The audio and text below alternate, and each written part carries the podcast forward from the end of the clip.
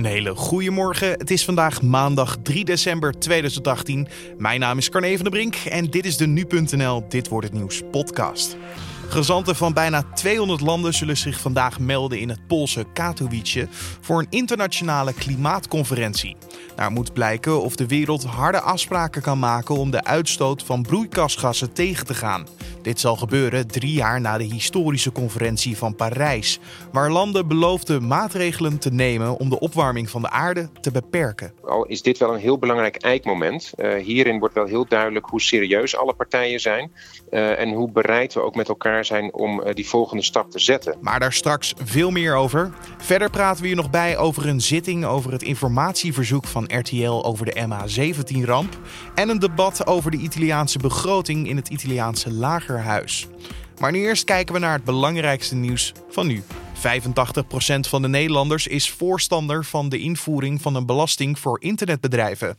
Bijna een kwart is zelfs zeer sterk voor een digitax. Voor bedrijven als Amazon, Google en Netflix. En een ruime meerderheid vindt dat de EU niet moet wachten tot er wereldwijd regels zijn afgesproken. Dat blijkt uit een grootschalig onderzoek van Kieskompas in zes Europese landen. Dinsdag moeten de EU-ministers van Financiën in Brussel besluiten over de invoering van een Europese belasting op internet Een zorgboerderij in Middelstum, Groningen is in de nacht van zondag op maandag grotendeels in vlammen opgegaan. De bewoners zijn veilig en er raakte niemand gewond, zo meldt de brandweer. De schuur van de boerderij aan de Fraamweg stond volledig in brand en is verloren gegaan. De brandweer van Groningen heeft wel met hulp van meerdere korpsen de woning aan de voorzijde weten te redden. Shell gaat korte termijn doelen stellen om zijn CO2-uitstoot te verminderen en zal de beloning van het topmanagement daaraan verbinden. Dat laat topman Ben van Burden weten aan de Financial Times. Het olie- en gasconcern staat onder druk van een grote groep groene aandeelhouders. Volgens Shell wordt met de aandeelhouders nog gesproken over de beoogde percentages. Maar raakt het plan de beloning van mogelijk 1200 topmedewerkers. De verkeersveiligheid in ons land kan worden vergroot door 600.000 verkeersborden van straat te verwijderen. Dat stellen Veilig Verkeer Nederland, het kenniscentrum Verkeer en Vervoer van de overheid en de HR-groep die alle verkeersborden in ons land heeft geregistreerd. Nu staan er ruim 3 miljoen waarschuwings- en gebodsborden, waarvan dus 20% overbodig is en voor verwarring onder verkeersdeelnemers zorgt. Zo schrijft de Telegraaf vandaag. De bordenchaos leidt tot gevaarlijke situaties omdat de aandacht voortdurend wordt opgeheven door borden in plaats van dat automobilisten, motorrijders en fietsers op elkaar letten. Nederland heeft er tussen 2012 en 2015 zo'n 11.000 aan hectare aan vrij toegankelijke natuurgebieden bijgekregen. Recreatiegebieden en binnenwateren winnen ook verder aan terrein. Dit ging vooral ten koste van agrarisch gebied. Dit meldt het Centraal Bureau voor de Statistiek op basis van nieuwe cijfers over bodemgebruik. Dat houdt in dat per dag 14 hectare landbouwgrond verdween. Dat is een oppervlakte vergelijkbaar met 28 voetbalvelden. En dan kijken we naar de dag van vandaag oftewel dit wordt het nieuws. Gezanten van bijna 200 landen zullen zich vandaag melden in het Poolse Katowice voor een internationale klimaatconferentie. Daar moet blijken of de wereld harde afspraken kan maken om de uitstoot van broeikasgassen tegen te gaan. Zo moet de opwarming van de aarde worden beperkt en de nieuwe klimaattop komt drie jaar na de historische conferentie van Parijs, waar landen beloofden maatregelen te nemen om de opwarming van de aarde te beperken. Die moest onder de 2 graden blijven en het liefst zelfs onder de 1,5 graad. Het aannemen van dat akkoord drie jaar geleden klonk toen zo. Je vois que la réaction est positive, je n'entends pas d'objection. L'accord de Paris pour le climat est accepté.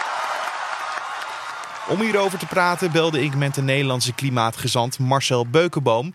Meneer Beukenboom zal vandaag met minister-president Mark Rutte naar de klimaattop afreizen.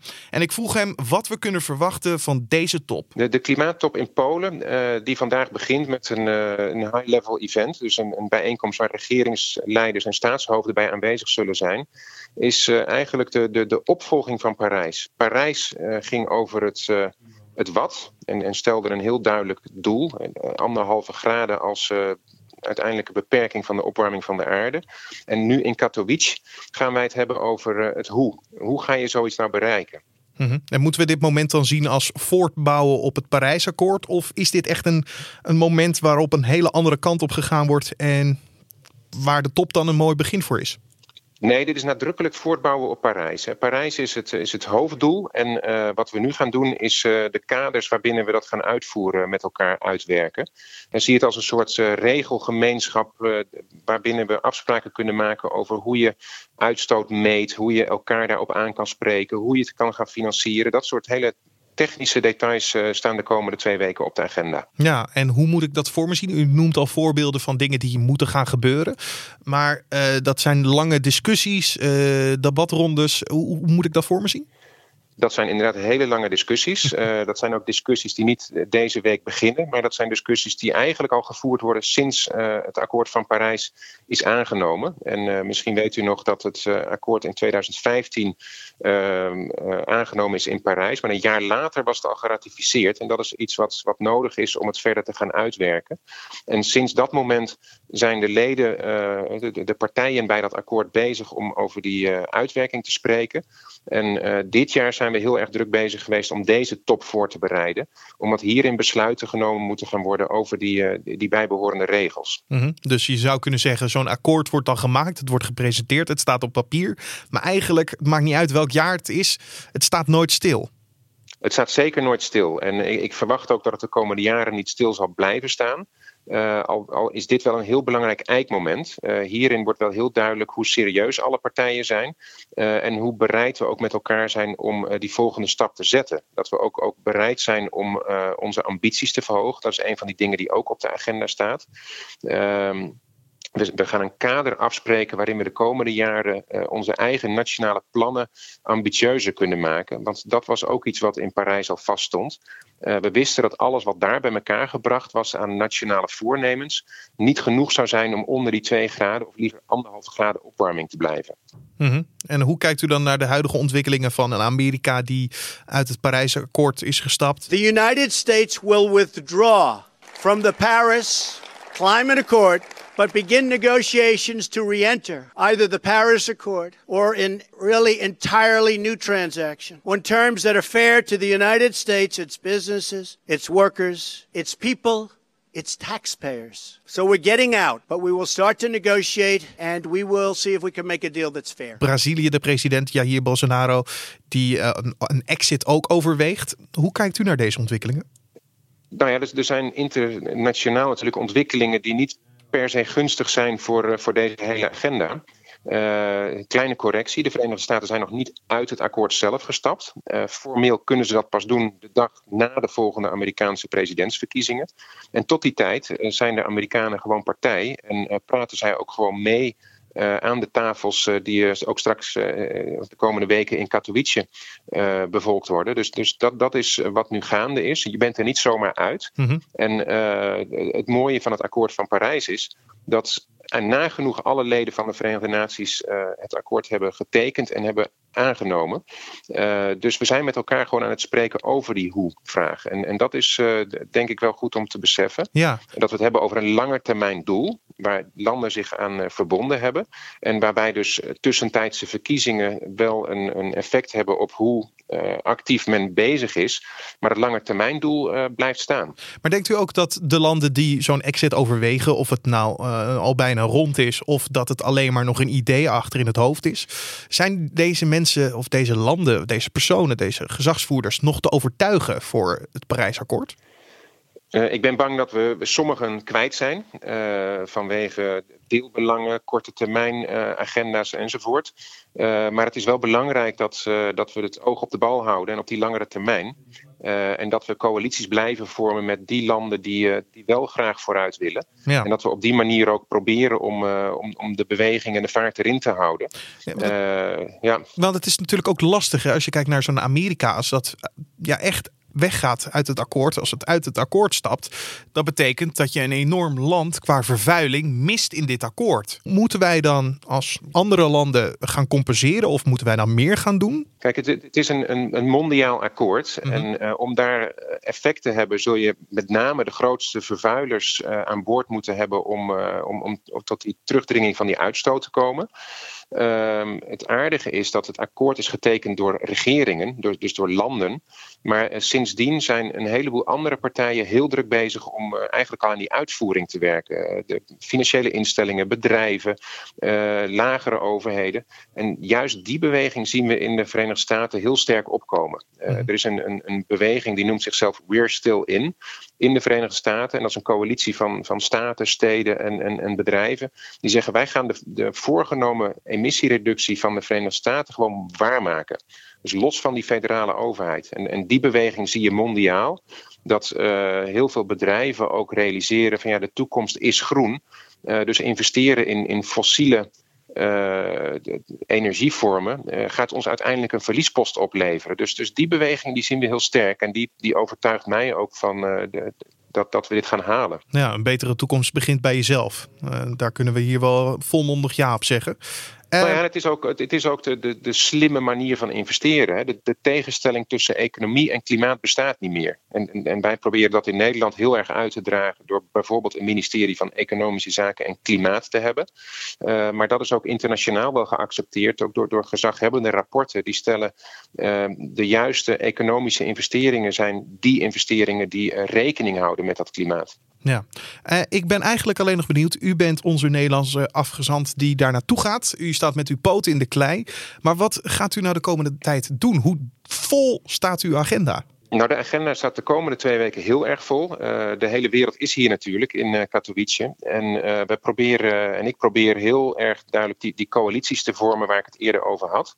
Um, te spreken met iedereen die kan helpen om die, de bal de goede richting op te laten rollen. Um, en uiteindelijk ook in die onderhandelingen zelf ervoor te zorgen dat we resultaat boeken. Dat we aan het eind van deze twee weken akkoord bereiken op al die deelonderwerpen. en in totaal gaat, moet hier 130 besluiten genomen worden. Dus dat is een, een heel complex eh, geheel aan vergaderingen, afspraken enzovoort. Ik zit niet aan al die tafels zelf. We zijn hier met een grote delegatie en uh, uiteindelijk opereren we hier ook als Europese Unie als geheel. En uh, ja, dat, is, dat moet overzien worden en, en gestuurd worden. En daar speel ik een, een rol in. Je de Nederlandse klimaatgezant Marcel Beukenboom. En er zal dus in Polen uren en uren gediscussieerd worden over het klimaat. En of iedereen de ernst van de klimaatverandering begrijpt, dat is natuurlijk de vraag. Cabaretier Erik Sauers heeft er nog een beetje moeite mee. Nou, ik rij, ik rij in een te grote auto. Dat ding is gewoon te groot, echt te groot. Ik rij een SUV. En de laatste tijd, dat stemmetje wordt ook steeds harder. Ik word er gek van. Ik heb zo'n stemmetje wat mijn geweten loopt te sussen de laatste tijd. Van, hey, kom op, zeg, je mag best wel erin rijden. En je kunt het je veroorloven. En je verdient het. En je rijdt veel. En als er wat gebeurt, zit je veilig.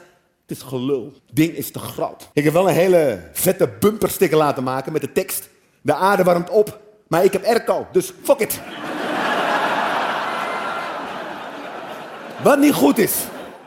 De Raad van State buigt zich vandaag over de weigering van premier Mark Rutte om geobjectiveerde verslagen van drie ministerraden openbaar te maken, waarin is gesproken over de MH17-ramp. Ook heeft Rutte geweigerd om een verslag van een gesprek met onderzoekers van de Universiteit Twente over de evaluatie van de crisisbeheringsoperatie rond de MH17 openbaar te maken. RTL Nieuws had gevraagd om openbaarmaking van deze stukken. De premier weigerde dat omdat de openbaarmaking de relatie van Nederland met andere staten in gevaar zou kunnen brengen en omdat de stukken persoonlijke opvattingen van betrokkenen bevat. In het Italiaanse lagerhuis wordt vandaag over de begroting van het land gedebatteerd.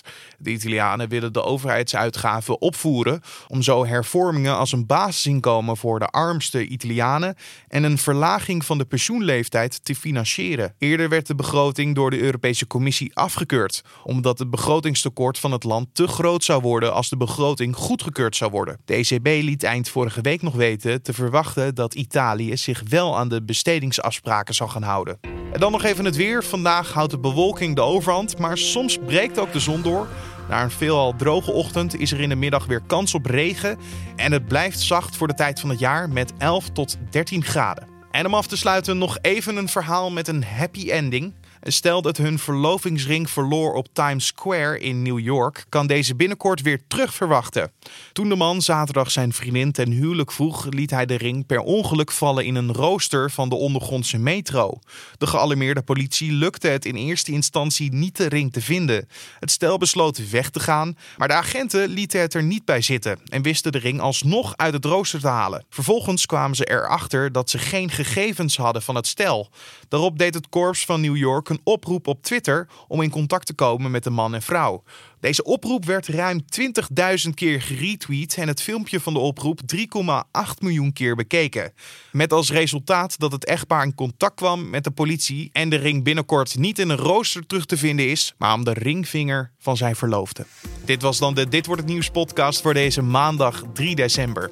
Je vindt deze podcast natuurlijk elke maandag tot en met vrijdag om 6 uur ochtends. Je kan ons laten weten wat je van deze podcast vindt. Dat kan je heel makkelijk doen via een mailtje naar podcast.nu.nl of een recensie in iTunes. Mijn naam is Carne van der Brink. Voor nu een hele fijne maandag en tot morgen.